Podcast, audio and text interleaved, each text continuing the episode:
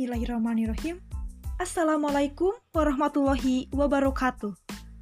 Sebelumnya, perkenalkan nama saya Sandi Naulia dari Universitas Pendidikan Indonesia, Program Studi Kepelatihan Fisik Olahraga, yang saat ini menapaki semester 1 di kelas B. Oke, langsung saja.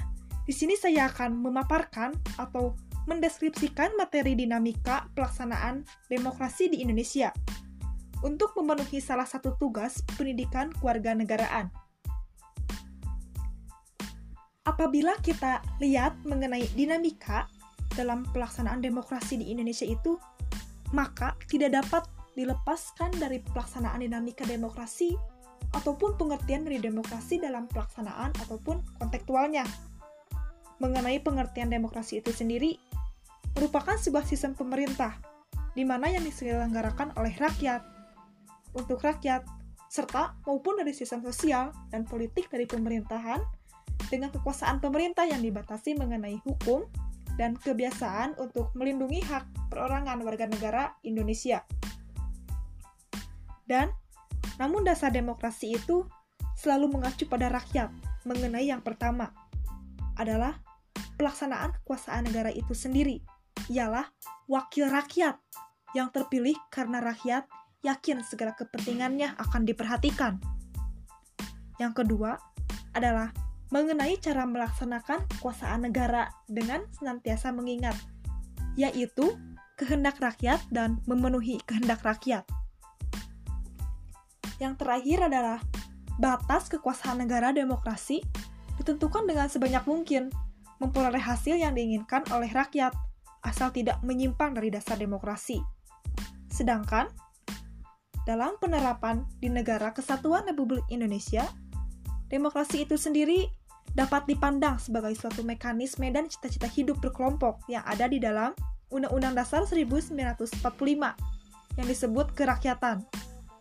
Demokrasi itu juga dipandang sebagai pola hidup di mana mengenai berkelompok dalam organisasi negara sesuai dengan keinginan orang-orang yang hidup dalam berkelompok tersebut.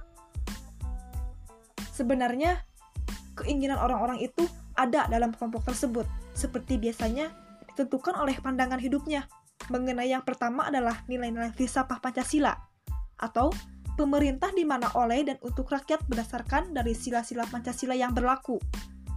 Yang kedua adalah transformasi atau perubahan nilai-nilai Pancasila pada bentuk dan sistem pemerintahan. Yang terakhir adalah konsekuensi dan komitmen terhadap nilai-nilai Pancasila yang mengenai Undang-Undang Dasar 1945. Mengenai demokrasi di Indonesia yang pernah diterapkan adalah mengenai yang pertama kali di Indonesia itu menganut sistem demokrasi parlementer yang biasanya disebut dengan demokrasi liberal. Dalam demokrasi liberal itu, membawa dampak yang terhadap Indonesia yang sangat besar, yaitu dalam mempengaruhi keadaan yang ada di Indonesia, situasi dan politik pada waktu itu. Yang kedua, yang diterapkan adalah demokrasi terpimpin, yang di mana di sini menganut seluruh keputusan serta mengenai pemikirannya, hanya berpusat pada kepemimpinannya saja, yaitu dalam masalah dilihat dari segi keamanan, dari segi perekonomian, dan dari segi politik. Yang terakhir, yang diterapkan adalah demokrasi Pancasila. Yang dimaksud demokrasi Pancasila di sini mengenai demokrasi konstitusional yang mekanismenya mengenai kedaulatan rakyat dalam penyelenggaraan negara yang berdasarkan Undang-Undang Dasar 1945 tersebut.